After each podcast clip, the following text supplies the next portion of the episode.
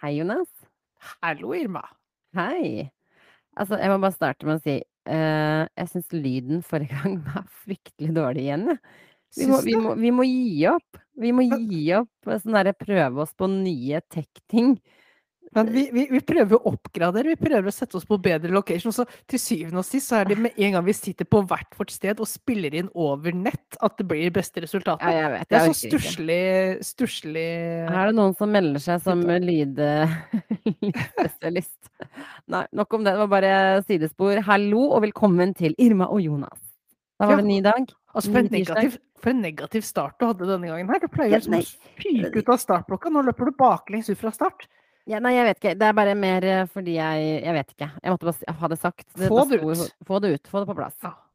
Ja. Så Jonas, hvordan går det? Du kan jo meddele at du eh, lig- Ja, du må fortelle. Fortell om din siste uke og hva som har skjedd med deg. Det er jo øh, altså det er sånn En ulykke kommer sjelden alene, og idet hodet mitt begynner å bli bedre, merker fremgang, hva er neste for tur? Jo, nå hopper jeg på koronatoget. Ja, og, og det er det jeg prøvde å si til deg, at jeg syns det er litt kjipt å ha korona når ingen bryr seg. Det var litt mer stas å ha korona når alle brydde seg, og folk liksom tilbød seg å komme med mat hjem til deg, og liksom gjorde stas ut av deg fordi du hadde korona, og, og folk var bekymra for deg. Sånn, du bare sånn Nå har du korona, ingen vet det, og selv de som vet det, er sånn Ja, ja, get over it. We're Ja. over it. Ikke, ikke prøv å skaffe deg oppmerksomhet, så jæklig desperat forsøk, liksom, Ja. på litt grann Ja. oppmerksomhet. Ja. Nei, men kleint, liksom. eh, det er på langt nær første gang i mitt liv at jeg har vært litt sånn treg på en samfunnstrend. Så jeg, jeg liker meg sånn der på halen etter, eh, ettersleper på Ja, det er trender. måte Så. på. Det er sånn seks måneder siden vi hadde siste tilfelle av korona, føles det Altså, i hvert fall. Ja, altså, du følte at du var sent ute, og det er vel en god stund siden du var slått Mhm. ned. Så Nei, men du, igjen. Du liksom klamra deg fast og klarte å skaffe deg korona sånn helt på tampen av hva som var innafor for å innenfor, få sympati og alt. Ja. Jeg på utsiden. Det er, det er sånn våre liv uh, er, Er. forskjellige på det to området. Ja, så nei, nå har det vært uh, Da har det jo vært feber, og det har vært en skikkelig manflu, og nå sitter vi bare forkjølelsesdelen igjen. Så hvis det blir litt sånn hosting og sånt, så har, er det bare fordi jeg ikke har nådd mute-knappen før hosten kommer. Altså, for jeg hadde tenkt å spørre deg hvordan er egentlig korona, for jeg har glemt det liksom litt. Jeg er litt sånn um, er, altså, Hvordan funker det? Men nå hører jeg at det bare er så vidt det er en, en deilig forkjølelse. Og det, det har det vært lenge, da, egentlig. Det er, det er, jeg vil kalle det en litt kraftig manflu, noe som gjør at man har ett og et halvt, en og, ett og et halvt ben i graven før, Jo, før man stiger opp igjen. manflu, hele, hele poenget med manflu er at det er så døende som du kan bli. Eh, så det, det er ikke noe, du kan ikke bli noe kraftigere enn det som er definert som manflu. Ja, men det er jo sånn vi menn er. Altså, det vi har nå, er det verste.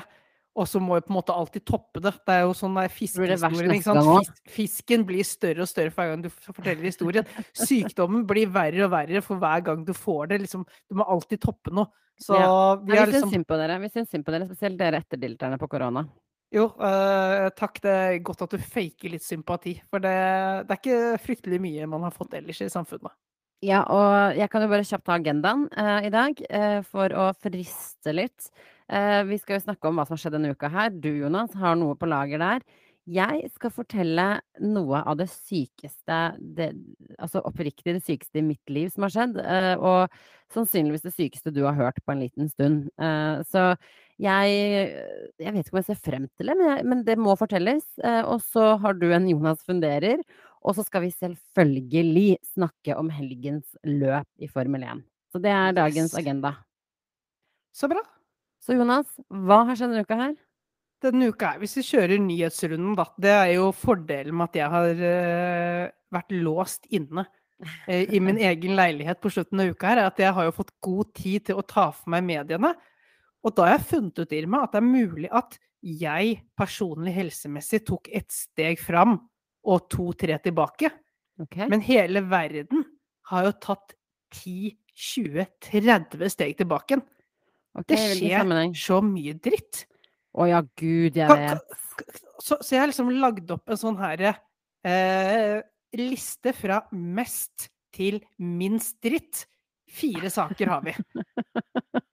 Eller, igjen, altså, vi starter blytungt.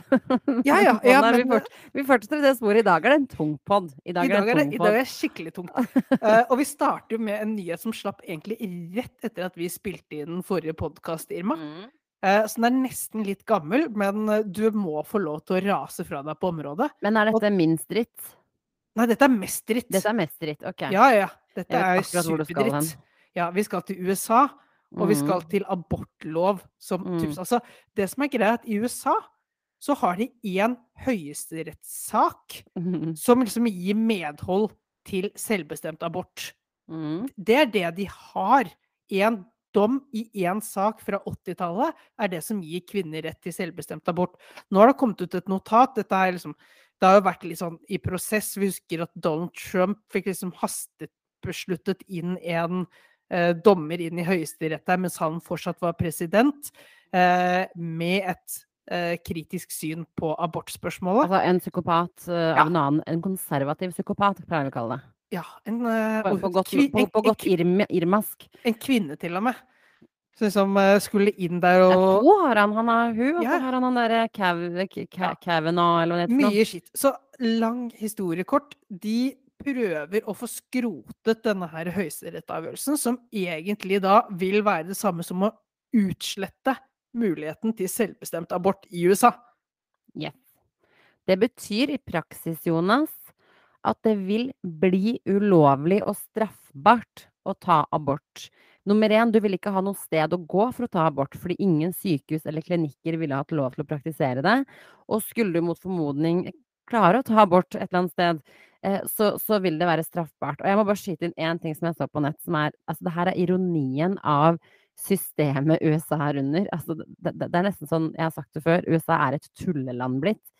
Det her, de folka som da er um, anti-abort, som sier at uh, du kan ikke drepe barn, det er et menneske i magen din, du blir en morder, de kaller seg pro-lifers. Vi er for liv, ikke sant? Fordi du dreper åpenbart et liv, ikke sant? Dette er hele Mhm. filosofien deres. De samme folka har nå, annet i Texas, gått inn for at vi sender damer som har tatt abort, på dødsstraff Ja. pro- pro-liferne, altså disse 'jeg er for liv', vil ta livet av kvinnen for å ha tatt livet av barnet, ifølge dem selv. Sitat. eh, Det er jo ikke sånn jeg åpenbart ser på det. Så, så galskapen kjenner ingen grenser. Det her handler ikke lenger om hva som er lov og hvilke etiske linjer man har, eller noen ting. Det her er en pissekonkurranse mellom de religiøse fanatikerne og resten av USA. Og tenk, men altså, hvor kan vi kalle USA et u-land, hvis de klarer å, å, kaste Ja. denne loven? Ja, det syns jeg. Altså store deler av USA. eh, Det er noen stater i USA som, kan til, som er tilnærmet likt eh, holdningsbasert som f.eks. Europa. Men eh, mange, de fleste av statene i USA, er hva jeg ville definert som, som, som u-land. Fordi hvis du er i USA, i disse storbyene, så vil du se at det er mengder av folk som bor i det som heter trailer camps, altså i, i, i hva skal man kalle det, husvogner. Mm. Eh, det er mengder av folk som bor på gata, eh, altså som har bodd på gata hele sitt liv. Det er enorme sånne derre eh, narkotiske problemer med disse opiatene og sånne ting. Det heter opiater, ja. Mm. Så det er jo et land eh, i nød. Eh, og ikke tro et sekund at det er et i-land, i hvert fall. Nei, og det, og det, det er sånn skremmende at man har kommet dit i et av verdens største og mest innflytelsesrike og mektige land. Men det viser igjen bare hvor enormt eh, skadelig det er med store forskjeller i, innad i land. Mm. Altså Og når la inntekter la oss- og verdier fordeles så Ja. skjevt som det gjør i USA, så Men la oss går det også snakke om religion. Altså, dette her er det som skjer. Det skjedde i Polen, hvor religiøse krefter fikk komme inn og bli beslutningsdagere i landet. Hva skjedde? Abort ble ulovlig, bla, bla, bla. bla, bla. Tusen regler som, som, som først og fremst går utover kvinner. Eh, og det samme skjer nå i USA. Eh, det er religion som er og forblir eh, roten til jækla mye vi sliter med i dag. Ja, men så det er klart, når du kommer da, når du får fattigdom, du får lite muligheter, du ser hva alle andre har, du ser skjevfordeling, du føler på håpløsheten, så er det klart det er mye lettere å, å, å falle inn til tro og et Yes. fellesskap der. Så Correct. det er liksom, det går, der eh, går hånd i hånd som bare skaper en sånn der eh, dynamitt som er dødsfarlig. Nei, så Ja. det, det var uh, Det er tidenes liksom, Altså, vi kunne hatt en egen episode om det. Jeg har Ja. så mye meninger om det. Men vi, vi vi, vi er jo enige, og, og Ja. våre lyttere vet vi også ligger på samme grunnlag som oss. Så, så det er liksom Vi vet hva vi mener, og, og det er galskap. Det er bare fullstendig Det er så galskap at jeg vil jeg, jeg klarer nesten ikke å adressere det. Og så kan vi sette en strek der. Det er ukens mest dritt. What's next? nå skal, vi nå skal vi klatre litt opp fra utedohaugen, men jeg har fortsatt liksom dritt Langt godt. nedi.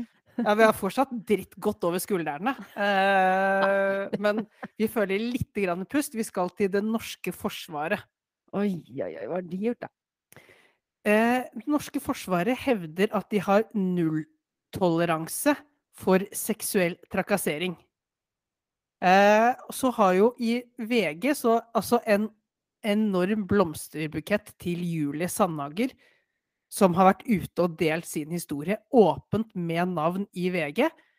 Hun oppdaget i mai i fjor, Irma, da hun var ute på Nato-øvelse for eh, det norske forsvaret, at når hun står og dusjer, så er det et mobilkamera på toppen fra liksom som er rettet mot henne fra den andre båsen, der hennes sersjant, altså leder, Hva? har stått og filmet henne Du og tatt kødder. bilde av henne. Og hun, etter hvert så tar hun og konfronterer eh, sersjanten på melding med dette her, og han legger seg flat og beklager, og dermed liksom innrømmer det hele. Hun velger å varsle internt i Forsvaret. Forsvaret setter i gang en undersøkelse. Eh, undersøker mobilen til vedkommende, og det viser seg at han har ikke tatt ett bilde eller video. Han har 38 videoer hvor han har filmet hun i dusjen. Og det har nå gått et år. Denne fyren har altså innrømmet hva som har skjedd.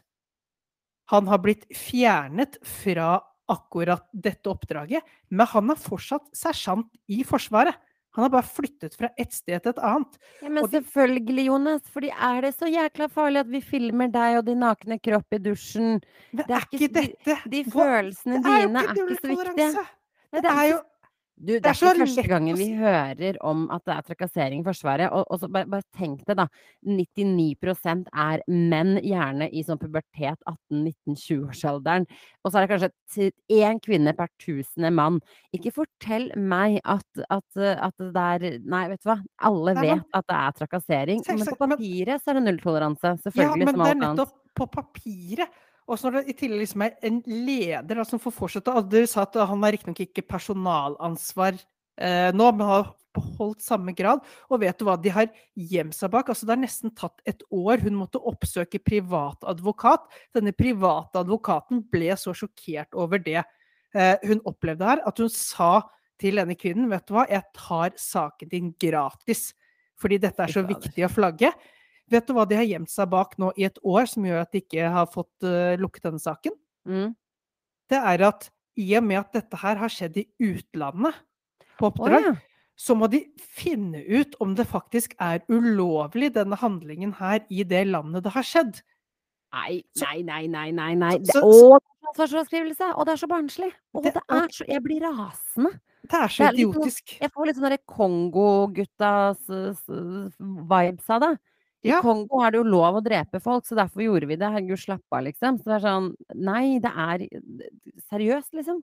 Altså, jeg blir, så utrolig sur på grunn av Og det er det som den saken her tar tak i, og det som neste saken tar tak i også, Irma, det er at når problemer, store samfunnsproblemer, blir satt på dagsorden, folk protesterer, skriker, hoier, så kommer det actions og tiltak. På Ja.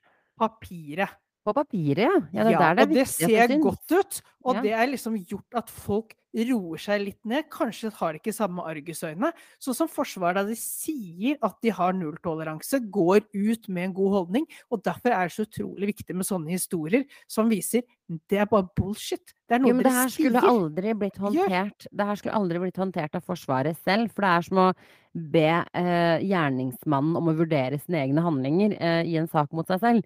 Eh, det her skulle blitt håndtert Nå vet ikke jeg åssen byråkratiet rundt det er, men det her er sånn De har sånn egen militær Eget eh, militærpoliti, og hvis ikke justis, det alt. funker, så må man kunne gå til sitt vanlige politi. Et eller annet sted må noen være hevet over denne, denne bobla som er Forsvaret. Altså, Ja. det, det det er selvfølgelig trakasseringer, og jeg skal love deg det er mye mørketall der. Og det er mange, mange kvinner der som aldri kommer til å stå frem, fordi det koster mer enn det smaker for de fleste. Nettopp, som du sa. Fordi du må gjennom advokater, du må gjennom et helt år med, med, med tyngder for å få gjennom dette her. Ja, og dette her er altså Dette her er en Nato-soldat, Irma. Hun her skal potensielt sitte og forsvare oss hvis denne krigen i Russland eskalerer.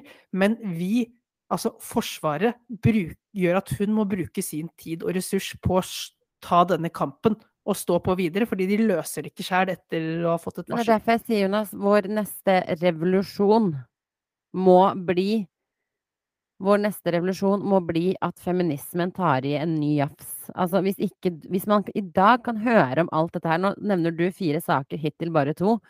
Og det er liksom at kvinner er annenrangsborgere. Eh, hvis du tror noe annet enn det, så, du, så, så ser ikke du verden i det hele tatt. Da er du fryktelig naiv.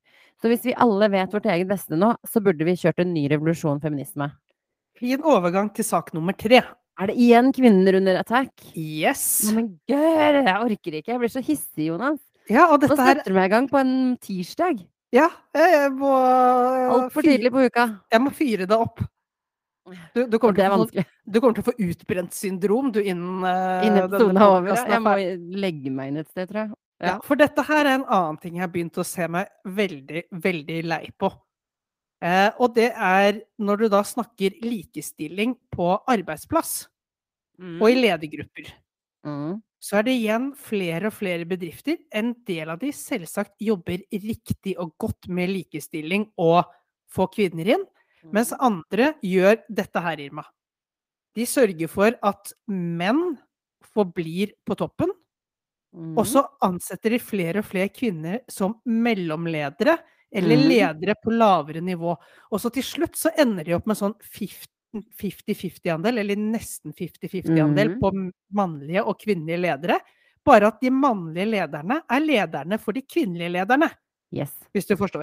Så vi ender jo opp med sånn så godt, Jonas. ja, så hele bedriften har en sånn mannlig forstoppelse på toppen. Det er liksom, det Mm. er ingenting som slipper ut fra det hølet på toppen. Altså, det bare bygger seg opp en sånn dritpakke som til slutt eksploderer.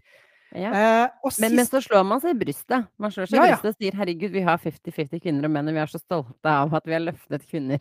Og så er det sånn Ja, det er kult å ha stillinger som bare er kjempefine på papir, men som gir veldig, veldig lite beslutningstaking egentlig i bedriften.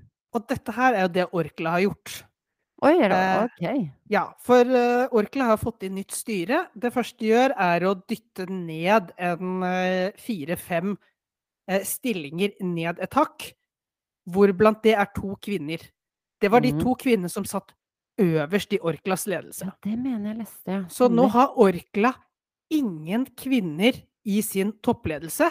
Og eh, la meg bare, bare for å vise hvor kort vi har kommet da, i 2022, Irma, så er det dette her eh, som Orklas eh, øverste ledergruppe uttaler i en e-post. Altså Mhm. konsernsjefen sier dette her. Enkelte norske aksjonærer og ansatte har minnet oss om viktigheten av å ha kvinner i Orklas ledergruppe. Vi vil over tid definitivt jobbe med å nå målet om mer mangfold i vår ledergruppe, også i Orklas øverste ledergruppe. Altså, hør, hør her. Altså, enkelte aksjonærer og ansatte har minnet oss på viktigheten. Altså, må dere minnes på viktigheten Men Jonas, av når du, mangfold? jo, men når du inni ryggmargen din kjenner at eh, kvinner bare er mas og kjas, og det er egentlig ikke noe du orker å ha der Vi fungerer så mye bedre enn det bare er oss gutta. Og når du kjenner det langt inn i ryggmargen din, så klart du må ha en påminnelse. Ja. Noen må stille det Ah. kravet. Hvis ikke så er vi jo bare enige om at det er oss gutta. Altså, det gir altså, i, sånne saker som det her, så blir jeg så Du vet jo at jeg, altså, jeg blir så rasende at jeg blir stille. Og når jeg blir så rasende at jeg blir stille, da er jeg så rasende at da, da kan hva som helst skje. Altså, da er det bare sånn Jeg, jeg har ikke ord, for dette her er ting eh, som en, en, en hvilken som helst eh, kvinne, eller mann for den saks skyld, som har vært i arbeidslivet i corporate Norge, vet jo at dette er jo sånn det egentlig fungerer. Ja! Det er jo realiteten. Og så har man masse greier på papir som ser fantastisk ut. Det er tiltaker, og det er programmer, og det er dan, dan, dan, dan, dan. Det det Men realiteten er at vi er ikke velkomne på styrerommene eller, eh, styregruppene eller og og vi er ikke det, fordi vi blir ansett som annenrangsborgere Ja, av er er beslutningstagerne. Ja, det er fortsatt en For så mange så ligger det så intuitivt å bare omgå seg med andre menn, av mannlige ledere. Det det det det må ligge så sånn jeg jeg jeg tror jeg Noen ganger så vet jeg ikke om det er engang, eh, en negativ innstilling til kvinner i altså sånn aktiv negativ Nei, innstilling, nei. eller om det bare er sånn De har ikke tenkt Om de ikke har reflektert, om de ikke bare Det er ikke det nødvendigvis negativt til Alt er jo kvinner, bare men helt sinns er man er bare så innmari uansett, narsissistisk om seg selv og de likes likesinnede som deg selv, som ofte Ja. både ser ut som deg selv og og det er jo der man kommer inn på rasisme og alt annet. Man liker de som ligner på seg selv. Og derfor blir det til at beslutningstagere som er menn, putter andre menn som ligner på seg selv i tilsvarende stillinger. Og og så er de og så er de kjempeenige om at de er dritkule sammen. Så ah, jeg vet ikke. Altså, vet du hva jeg tror? Jeg tror når vi tenker at vi i 2022 har kommet kjempelangt, så er dette her bare sånn Dette her er så vidt liksom toppen av isfjellet, eh, over ting som skjer i verden, også i Norge, eh, hvor man kjenner sånn jeg jeg går inn for en ny feministisk revolusjon, og alle oppegående mennesker bør forstå viktigheten av å få dette her eliminert, sånn som det er i dag. Amen. Vet du hvem av vet du hvilken denne aksjonæren de refererer til er? Nei. Det er Folketrygdfondet. Det er altså det er Norges stat, egentlig. Altså Norge som sier til dem «Ahem, Dere har dere ikke Ok, sett dere rundt den, og sett at uh, det er mye peniser i rommet?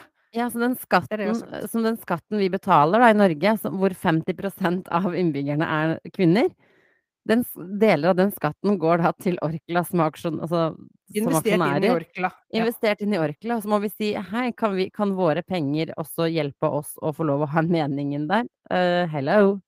Ja. Ei, ei, ei. men at ja, Ok. Ripe lakken for Orkla. ripe lakken er direkte påkjørsel. Ja. Ja. Ok, nå, nå har vi kravla. Nå, nå skal vi få huet over den doringen her. Jeg skjønner ikke hva du eh. vil med meg i dag. Altså, i dag bare setter du meg i gang. Altså, du kjører ja, fire drittsaker, alle er, eh, alle er kvinnefiendtlige. Og jeg Nei, blir, nei, jeg blir nå- svimmel. Nå kommer det siste som ikke er kvinnefiendtlig i det hele tatt. Den, den er bare ordentlig mannevond, egentlig. Ah, Eller sånn okay. manne... Altså, dette er også dette er menn som har klart å skape eh, strid igjen, men har de klart det for seg sjæl. Og Mm. dette er litt sånn litt søtere historie, vil jeg si, Irma. Mm. Ok. Der hosta han. Nå, vi skal til Jølster. Ok. Eh, Det er ikke langt unna Loen. Ok, det er fint at du sier, for jeg har vært i Loen, da vet jeg hvor det er. Ellers det. så hadde jeg ikke det ant hvor Det er Det er derfor jeg sier det. Oppi Stryn på Vestlandet. Der hvor det er så flott. Det er så flott. Eh, alt annet enn menneskene. Eh, de slåss så det ljomer etter. Og det som har skapt trøbbel, er en idrettshall, Irma. En idrettshall? Yes, en idrettshall. Eh, de har nemlig en hall der oppe som heter, eller har hatt navnet, Skeihallen. Ok. Men så er det jo Det er ofte, syns jeg, at problemer i Norges land som eh, eskalerer litt utover det det burde. Det er ofte at de starter med en tidligere mannlig lokalpolitiker med litt for mye å gjøre og en litt for sær hobby. Ja vel. Denne mannen heter Halvard Viken, og hans uh, hobby er det norske språk. Å, en en god venn av meg, med andre ord. Med En andre ord fagvenn av meg. en fagvenn. Han mente jo at Skeihallen, det låter jo ikke helt riktig. Det burde jo hete Skeishallen. Oi. Altså en S inn der. Jeg må ha S-en inn der. Eh, han meldte jo da dette her inn til Språkrådet, som tydeligvis Mhm. ga han støtte. Det satt da i gang en politisk behandling i lokalstyret. Ja. En politisk behandling av skei og skeis. Altså, jeg vil, jeg vil jo si at skeis Det er ikke bra navn. Sånn Nei, nei, nei, og det, det syns ikke folk heller. Så de endte med Skei Storhall. Ja. Eh, da får du litt av men- begge deler, da. Hvis men- man sier det fort, så blir det Skei Storhall. ja, men det her har vi skapt Altså, måten de har gått fram på her, har skapt så mye liv og leven. Altså, det har splittet lokalsamfunnet i to. Ja. Det, Så nå er det folk som- lokalsamfunnet Jølster, så betyr det det er eh, to mot to. Ja, men altså, dette er folk De nekter å snakke med NRK om saken. Det er for betent. De kan ikke kaste bensin på bålet ved å uttale seg i media lenger. Eh, så, så, så nå står striden. Altså, folk som har jobbet dugnadstimer i denne Skeihallen, Mm. nekter å gjøre det framover. De har mistet fullstendig motivasjonen pga. denne språknerden som nå har tatt fra dem identiteten til hallen, eh, gjør at de må ha kostnader til å ta ned et skilt og få opp nytt skilt. Og vil du høre ironien i det hele, Irma? Mm. Er at nå som det ble stemt over, og det ble stemt Trekk fram navnet. Det var litt eh, Du får sånn Det ble litt voldsomt. Ja. Eh, Skei Storhall, det nye navnet, mm. det er heller ikke godt. Nei. Fordi det viser seg at denne hallen den mangler noen meter både i lengde og bredde fra å være en storhall. Nei, ja, men Så det, kanskje de må ned til bare Skei hall igjen. Igjen. Altså, Altså, hvem eh, vet? Det, det, altså, det er veldig tungt. nå, har du, nå har du nevnt noen, noen saker i verden som, som påvirker oss alle. Uh, og det er krig i verden, det er pandemi. Det skjer altså så mye vondt i verden Og jeg tenker at vi alle burde tatt en runde med oss selv for å tenke hvordan kan vi gjøre verden litt bedre.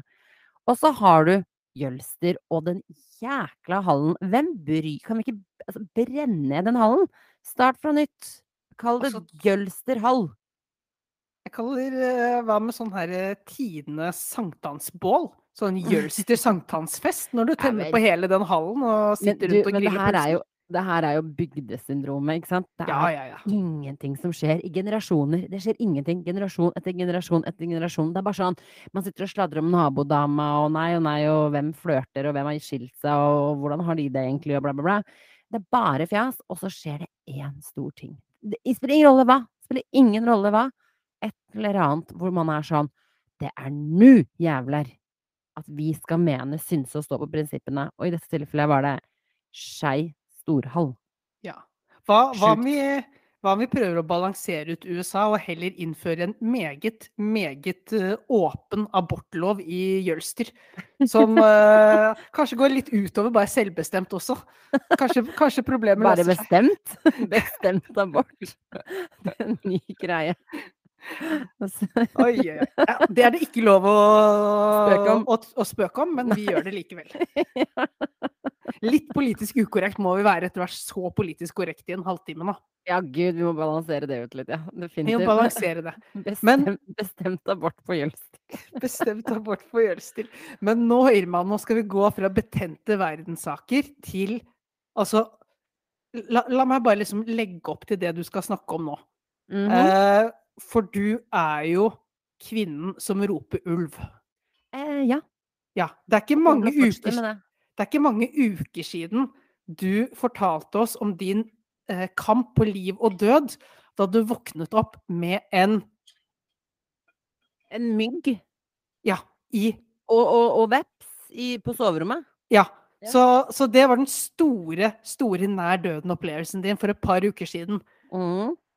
Eh, sånn sett i lys av det som har skjedd den siste uken, angrer du litt på perspektivet du brakte over den handlingen der, eller står du fortsatt inne for, for det? Jeg står fortsatt inne for det, fordi det er følelsene i, i da-situasjonen som må bli gjeldende. Hva jeg tenker om det i etterkant.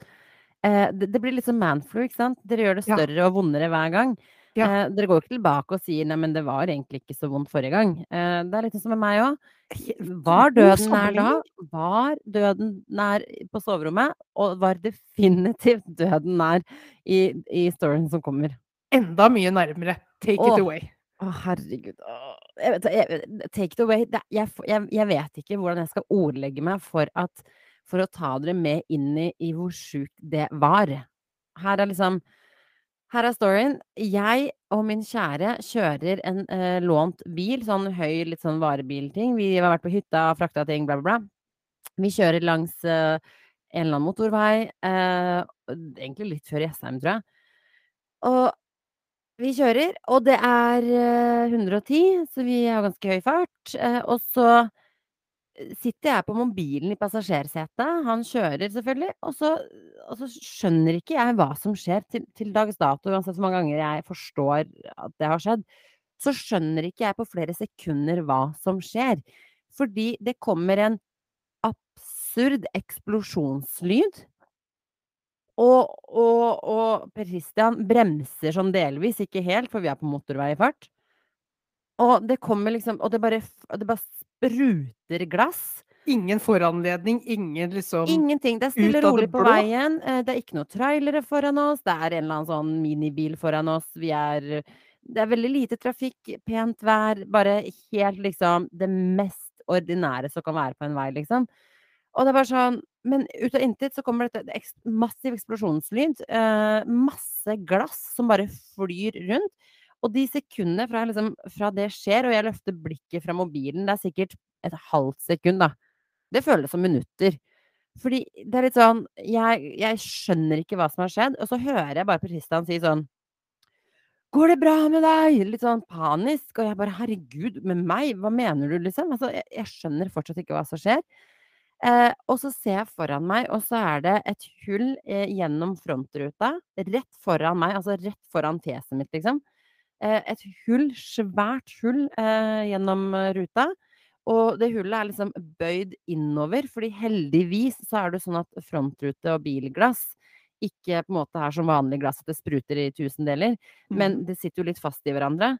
Um, og der er det svært hull, det peker mot meg, eh, det blåser vind i fjeset mitt, eh, og det flyr fortsatt masse små partikler av, um, av Hva heter det, herregud? Av glass.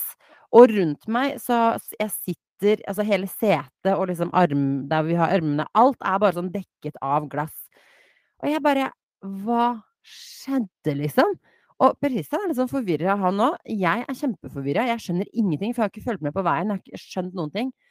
Og så kjenner jeg liksom sånn et trykk på armen, venstre arm. Altså jeg bare sånn Au! Hva hva er dette for noe? Drar opp og ser at jeg har vondt og fått en skade på venstre arm. Ikke noe kritisk i det hele tatt, men armen gjør vondt, liksom. Altså, den har fått et trøkk. Eh, og så løfter Per Christian opp en stein som fyller hele håndflata hans. Det er en svær Hvis jeg skal gjette, da, kanskje tre kilo stein. Den fyller en hel mannehåndflate, ehm, den steinen. Og så sier han 'Den her kom gjennom ruta'. Og jeg bare du kødder med meg, liksom?" Og det som Vi aner ikke hvor den kom fra. Folk har spekulert, selvfølgelig. Det har vært sånn, har noen kasta det fra en bro? Vi er begge to ganske sikre på at vi ikke var på noe tidspunkt under en bro når det skjedde. Kan det ha kommet fra bilen foran? Nei, det kunne det ikke. Det var en veldig liten bil. Vi kjørte en stor bil. Den steinen der var såpass stor at det hadde man på en måte kunne sett på veien. Så vi har en mistanke om at, uh, den steinen har enten falt av et, uh, lass fra en lastebil i skyhøy fart, eller at en lastebil har kjørt over den og gitt den bounce i motgående retning. Aha. Men det er sånn det altså den farta den kom med, Jonas, altså den den kom så fort at Per Christian, som hadde øynene på veien, ikke kan fortelle deg hvilken retning den kom fra. Nei. Og den var rett i mitt liksom sånn hode hodehøyde. Eh, og så tilfeldigheter skal ha det til at vinduet vinklet den steinen fra den kom inn, eh, nedover mot min venstre arm, hvor den på en måte bare snitta armen min, slo inn i setet og bounsa tilbake igjen mot ruta og liksom eh, ja. For hvis du hadde sittet foroverlent for å for liksom ta noe foran i dashbordet eller noe sånt, så hadde du fått den rett i huet. Ja, og hadde jeg fått den rett i huet med den farta den hadde fordi du kan se for deg at den gikk Altså, en frontrute skal tåle ganske mye. Uh, Den den, tåler en trøkk. Den den gikk gjennom som om det var smelta smør, liksom. Altså sånn den det var det var det var liksom null motstand i ruta. Den den bare skjærte inn gjennom. Det var ikke altså, vi rakk ikke å se den gjøre det engang, så fort gikk det. Og det sånn Og den sneia jo bare armen min. Hadde den hadde den landa på armen min, hadde den liksom kjørt inn i armen min, så hadde jeg sannsynligvis brukket den, om ikke verre. Ja, ja. Eh, men den sneia den bare, for vi så merkeretteren på setet ved siden av meg. Eh, for det er sånn treseter varebil. Eh, så så den har liksom Alt gikk dritbra. Men jeg var sånn Vi satt noen minutter etterpå og var sånn Fy faen, det var snakk om var snakk om tilfeldigheter, vinklinger og centimetere mellom liksom skada for livet, eh, død eller annet, liksom. Og hva om den hadde truffet Per Christian, som kjører 110 km i timen? Hva om den har truffet han? Hva om den hadde truffet meg i hodet, sånn som vinklinga egentlig var, liksom? Altså, vi satt der og hadde en sånn gode 20-30 minutter hvor man kjenner på en sånn sjokk, eh, fordi du plutselig begynner med sånn Hva hvis, hva hvis? Eh, og så bare drit i hva hvis-ene. Altså, hva hvis du blir påkjørt av bussen i morgen, liksom? Mm. Altså, du, vi kan ikke gå Um, dit. Men det, det, var, det var absurd. Absurd og ekstremt reelt, for å si det sånn. Fy søren, for et sjokk. Det er- kommer virkelig fra det man sier. Man, man vet jo aldri liksom hvor heldig man er, og når man er ute på veien, så er man alltid avhengig av hva andre bilister gjør, og det kan alltid liksom skje en ulykke uten at man er ansvarlig for det selv. Men så, så går man jo heldigvis ikke rundt og uroer seg for det i hverdagen. Da har man jo ikke det, hatt ikke et bra liv, men for et sjokk det må være for systemet. Og Nei, det, det, altså når du innser hva som har skjedd, så, så, så går man i en sånn Man blir litt sånn stille inni deg sjæl-opplevelse. Uh, og det var sånn Vi, vi ble sittende og være sånn vi, vi skjønner det ikke. Vi, vi, fatter ikke hva som skjedde her. Altså Hadde det vært en bro, så hadde jeg tenkt eh, det har falt av fra broa, eller noen idioter har kasta ned. Fordi så urealistisk var det at det skulle skje. Hadde det vært tunnel, så hadde jeg tenkt fy faen, nå var vi uheldige, liksom. Ja. Men dette var åpen landevei. helt åpen landevei, eh, og jeg, jeg fatter ikke. Fatter ikke. Altså, det var så flaks i uflaks at uh, jeg får ikke sagt det.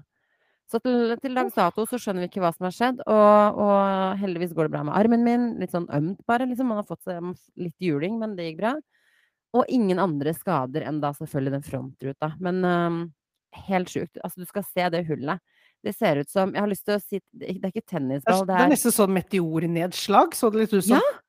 Det var noen som sa det òg, sånn kunne det vært det? Så tenker jeg sånn, i den jækla farta den greia hadde, så, så høy fart at du ikke ser den.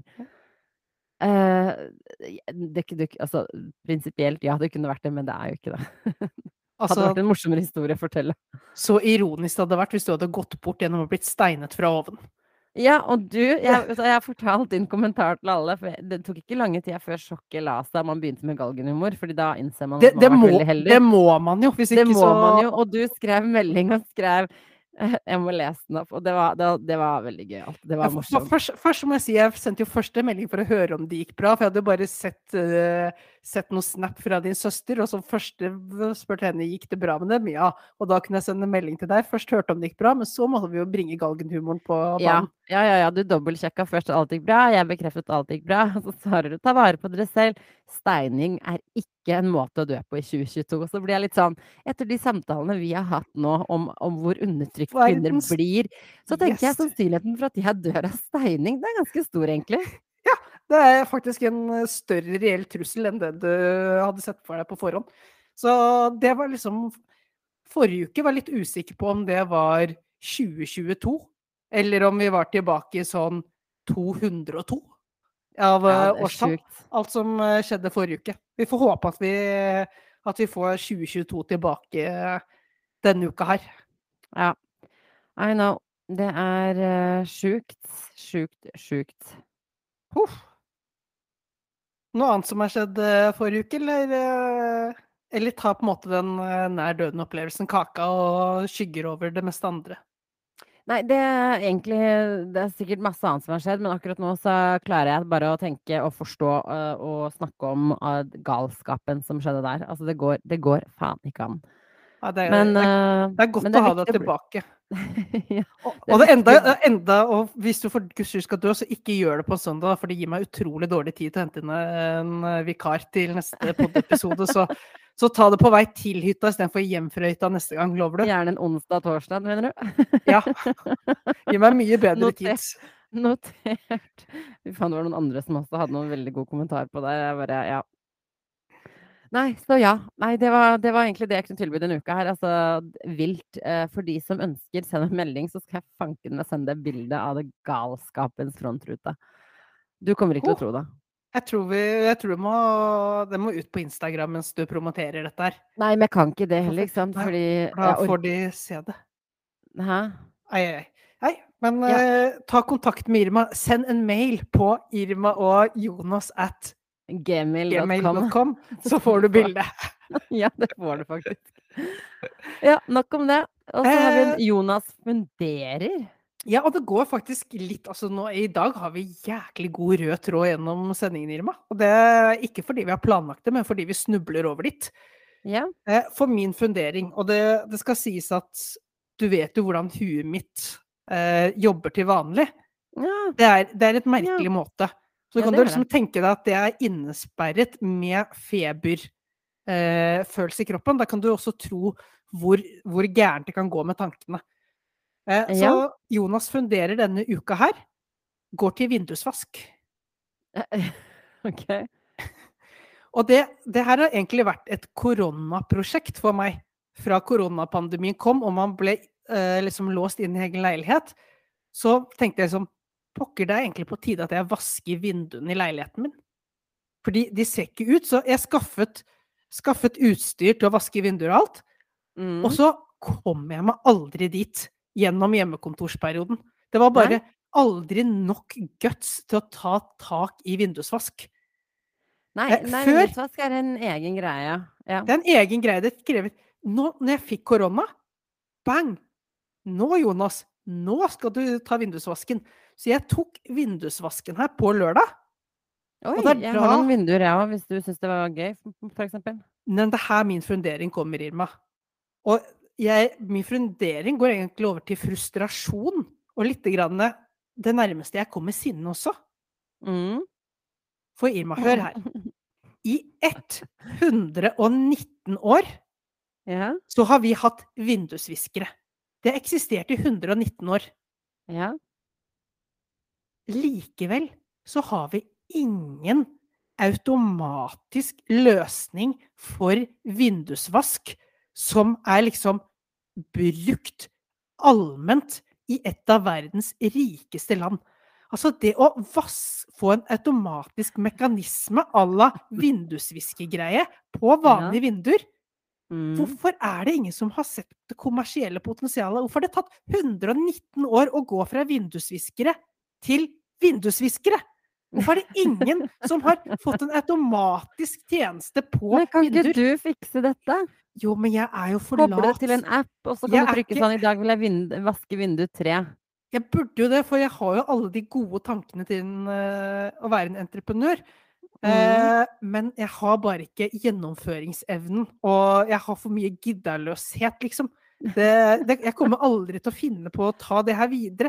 Men kan ikke noen gjøre det? Altså, hvor Men har du gjort research på at det ikke fins? Det må jo Ja, en annen gærning som har tenkt det. fins, nei, men det fins helt sikkert på sånne industrielle bygninger og sånn, for der gidder man ikke å ha vindusvask og sånt. Men, men hvorfor er ikke det standard? Hvorfor har du ikke sånn vindusvisker når det regner? Hvorfor har du ikke bare sånn nal som går opp og ned på vinduet, som gir deg fritt utsyn ut, eh, som sørger for at ikke skit legger seg på vinduet? Hvorfor har du ikke en egen eh, greie som liksom en nal som da drar med seg vann, og så en nal som drar ha uten vann. ditt? ja, men det bør jo kunne være supersmooth på toppen av vinduet. Altså, en nal er jo verdens minste lille sak som bare skal dras nedover vinduet. Det kommer jo Mm. ikke til å se svært og stygt ut. Altså, se de der svære kolossene folk har for å få sånn her aircondition på Mhm. sommerstid. Det ser jo helt jævlig ut. Men Jonas, men det det fins robotstøvsugere som, som tar vindusvasken. Men det driter jeg i. Du skal bare ha det inkludert i vinduet. Du skal ikke skaffe deg noe mer ting. Når du kjøper et vindu, så skal det være en automatisk vask- og nalsystem i Mhm. vinduet. Det bør jo ikke være så vanskelig. Det bør, kan ikke se det stygt ut i det hele tatt. er et eh, dumt ilandsproblem? Fordi hvor lang tid brukte du på å vaske vinduene dine, som du har gjort hvor ofte? Dette er første gang jeg har gjort det etter at jeg flyttet inn for drøyt tre år siden. Ja, og hvor lang tid brukte du på å vaske vinduene? Jeg brukte et par timer. Ok, så, så, så, så, Problemet er jo også nei, nei, nei, nei, hold an. Så to timer hvert fjerde år.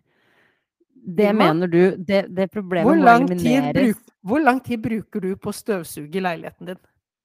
Null tid. Du har fortsatt en robotstøvsuger. Hvorfor? Ja. Fordi det er praktisk, og det sparer deg litt grann tid. Det samme gjelder vindusvasken, Irma.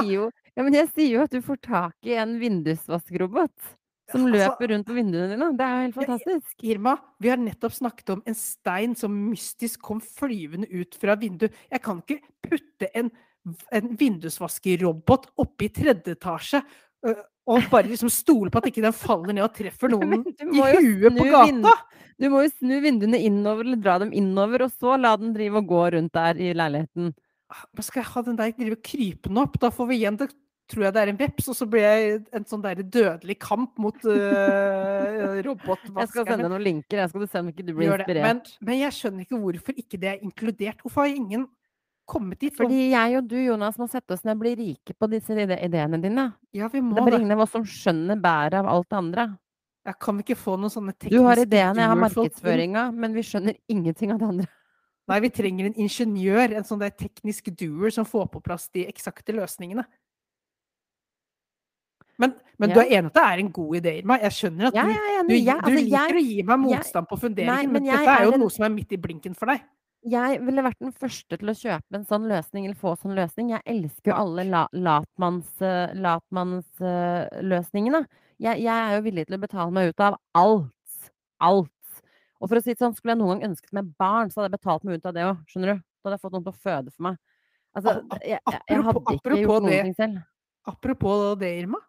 Ja. I, I kampen om å bli denne ukens minst populære, og da er det Mhm. altså tøff kamp mot abortmotstanderne i USA, Mm. eh, snikfilmerne i Forsvaret, Orkla og hele Jølsters befolkning, Ja. så kommer altså Helse-Norge inn i dag og prøver å kuppe hele seieren, Irma.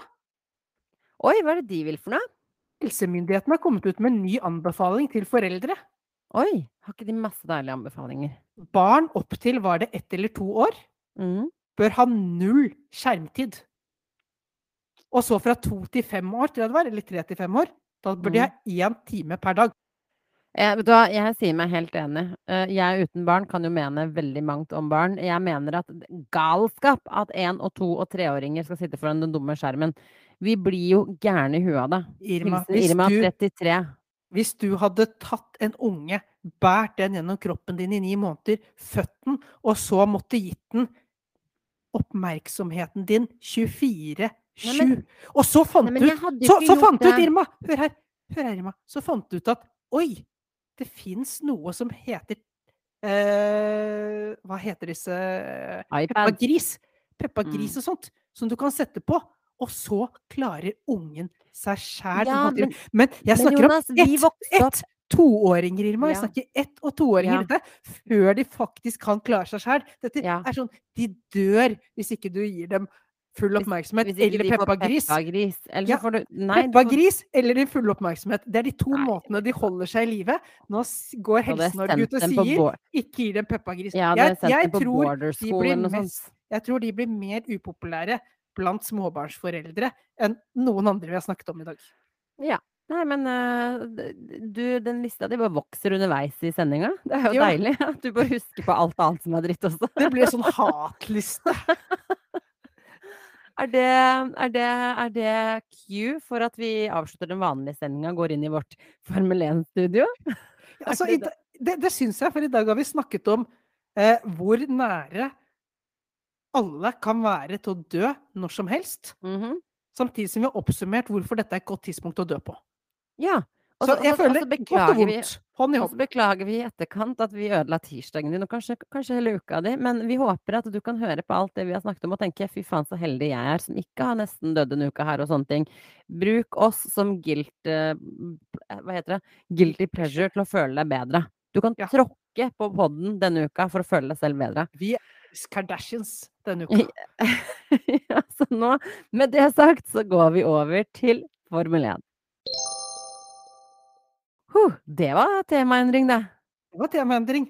Men skal vi Ah. kaste folk under eh, bussen her òg, eller skal vi være positive i Formel 1-spalten?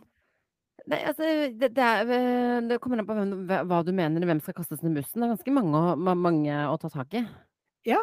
Jeg, jeg vil bare, før liksom snakke videre Jeg er uh, veldig fornøyd med at når det først ble en sen safety car, Eh, jeg har gjort meg ganske tydelig hva jeg mener om safety cars.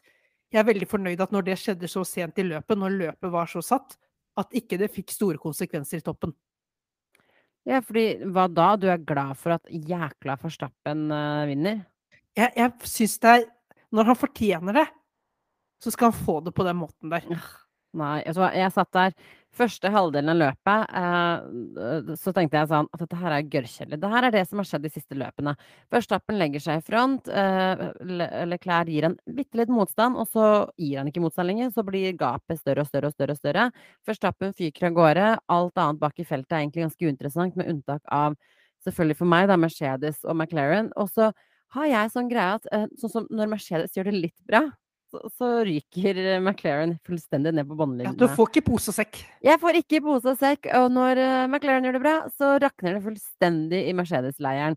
Så jeg er litt sånn, jeg er litt sånn eh, Sesongen for meg hittil opplever jeg nummer én ikke kjedelig som i at uh, løpene er kjedelig, men sånn rent lagene jeg heier på, og at Verstappen bare flyter av gårde til et verdensmesterskap.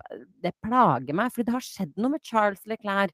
Han har ikke klart de siste gangene å liksom Du får det ikke som du vil, du, i år. Jeg får ingenting som jeg vil, og jeg jeg blir skikkelig full av det. takler du dårlig. Ja, men jeg vil jo ikke ha Red Bull i toppen.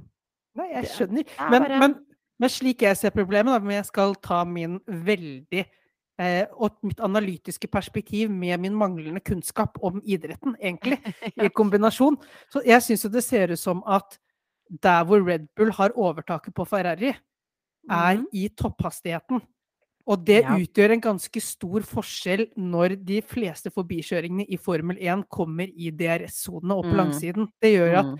Jeg syns jeg liksom ser at når Leclerc er under sekundene bak Verstappen, så har han likevel stor trøbbel med å komme forbi. Han har trøbbel med Ja, ja. å få utnyttet DRS-en til å kjøre forbi. Så det er en mye større jobb for Leclerc å kjøre forbi Verstappen enn det er for Verstappen å kjøre forbi Leclerc. For han har Yes. allerede litt mer toppfart, og når han da Mm. får DRS-en, så blir forskjellen så stor på de at han blåser forbi. Mens Leclerc, forskjellen når han kommer bakfra, er ikke stor nok til at han både klarer å ta igjen det han ligger Nei. bak, og passere. Helt riktig. Så um, av de gledelige tingene som jeg syns skjedde, da, selv om jeg håpet at Leclerc skulle selvfølgelig ta forstappen. en gledelig ting var at endelig er Carlos Sainz rett bak Leclerc og er oppi der og liksom har noe å si på denne kampen om eh, mesterskapet. Um, han klarte å holde Peres bak seg. Det er jo helt utrolig. Ja, det er helt utro- men, utrolig. men Peres kjørte en veldig, veldig dårlig Jeg syns han kjørte en utrolig dårlig runde uh, i Miami. Han ender jo opp med fjerdeplass, og det ser ålreit ut. Han tar poeng for team og sånt, men Mm. Han var et halvsykk. Altså, de tre store her kjempet jo om pole position. Det var snakk Mm. om tusendeler, hundredeler. Så kommer Sergio Perez og er halvsekundet bak i samme bil. Og så kommer han og får hele avslutningen på de siste ti rundene på nye dekk, og er egentlig aldri ordentlig i nærheten av å utfordre Carlos Sainz. Ja, han bremser for sent, er forbi en gang på et tidspunkt, men det var liksom aldri, aldri sjans for å ta den svingen. Så han er egentlig Nei, han aldri ikke nær å ta ham. Altså, jeg var sikker på Alle var Veldig sikre på at eh, Perez skulle ha mer enn god nok tid på ferske Var det softdekk eller mediumdekk? Ja, man satte satt på mediumdekk. Ja, medium, ja. Med ferske mediumdekk og ta igjen liksom eh, Carlos som hadde slitne dekk og hurra meg rundt. Han hadde ikke Slitne sjans. harde dekk. Ja, slitne harde dekk. Og Nei, det, det men var det var, det var fint, for jeg tror Carlos Sainz trengte litt selvtillitsboost. Han har vært maks uheldig og gjort det dårlig en stund nå. Eh, jeg syns også det var skikkelig gledelig å se at Bottas eh, gjorde det ganske bra helt til the bitter end. Ah, det var den lille feilen, bare. Ja, han var, røk på begge Mercedesene, men, men han fighta bra. Uh, ja, han det var fighta liksom dritbra i et team som, der, som ikke har forventninger om å være der omtrent. Altså ah, ja. på de nivåene. Han kjører uh, veldig bra. Og han lå jo foran Hamilton en stund, eller sånn gamle teammates, det var litt spennende.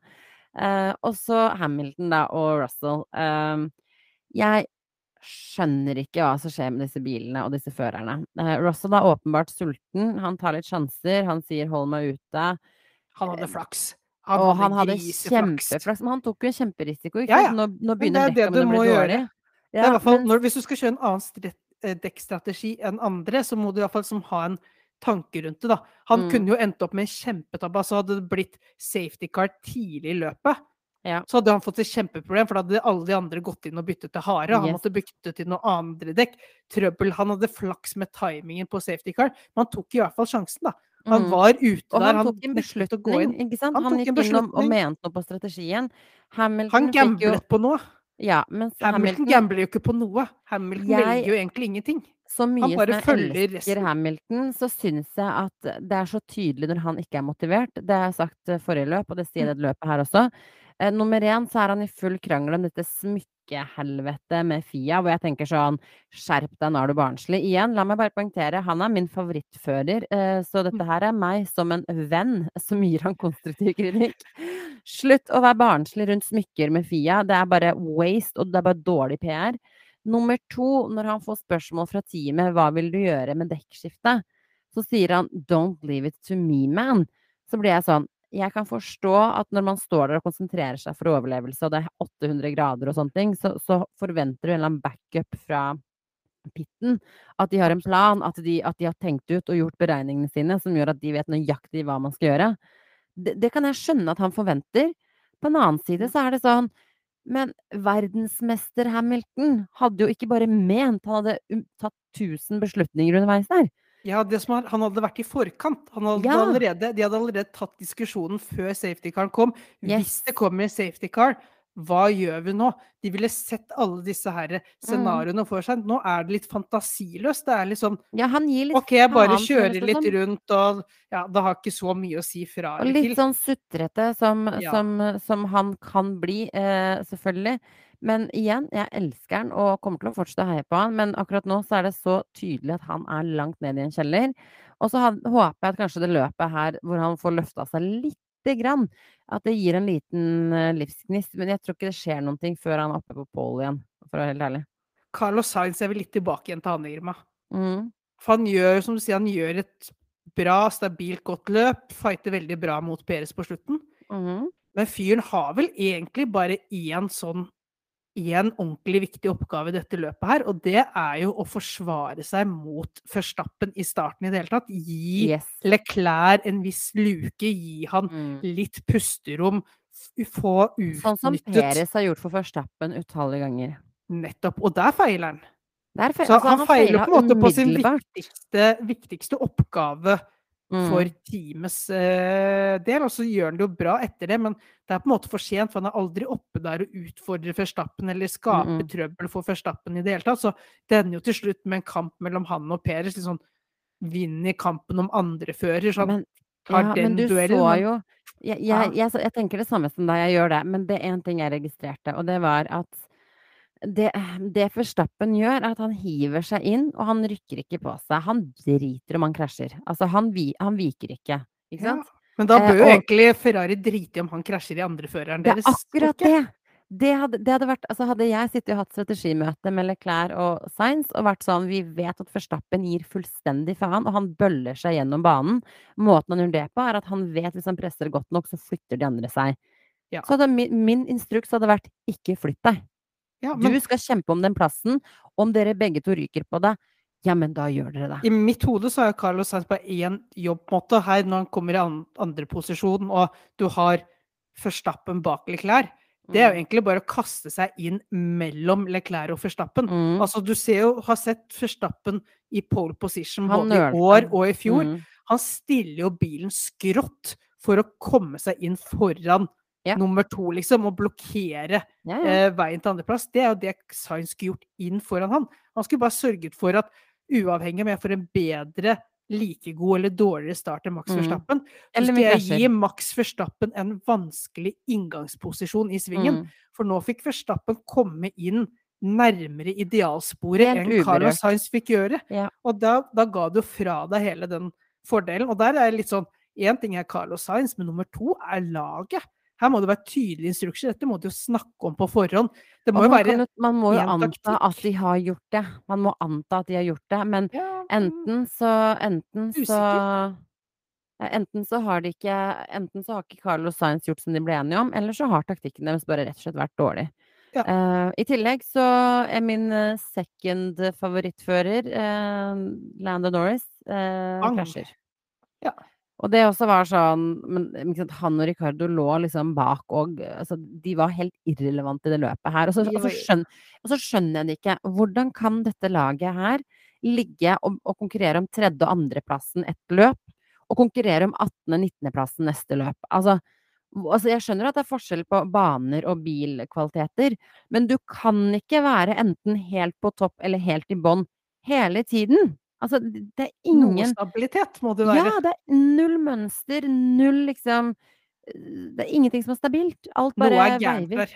Noe er gærent i det laget. Jeg føler at det er flere av lagene som ikke har knekt koden på de bilene ennå. Eh, Og det, det hadde vært gøy om Det- det begynte å skje utover sesongen.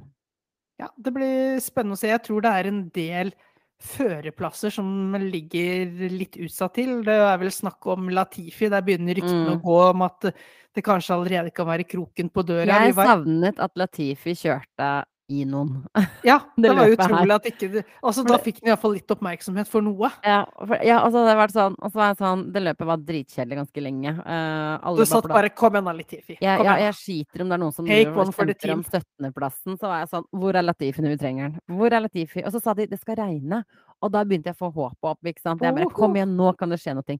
Skjedde ikke noe regn. Jeg bare Jeg mangla Latifi. Jeg mangla regn. Og det var ingen spenning. Ingen spenning. Mick Schumacher var vi også så vidt innom forrige runde.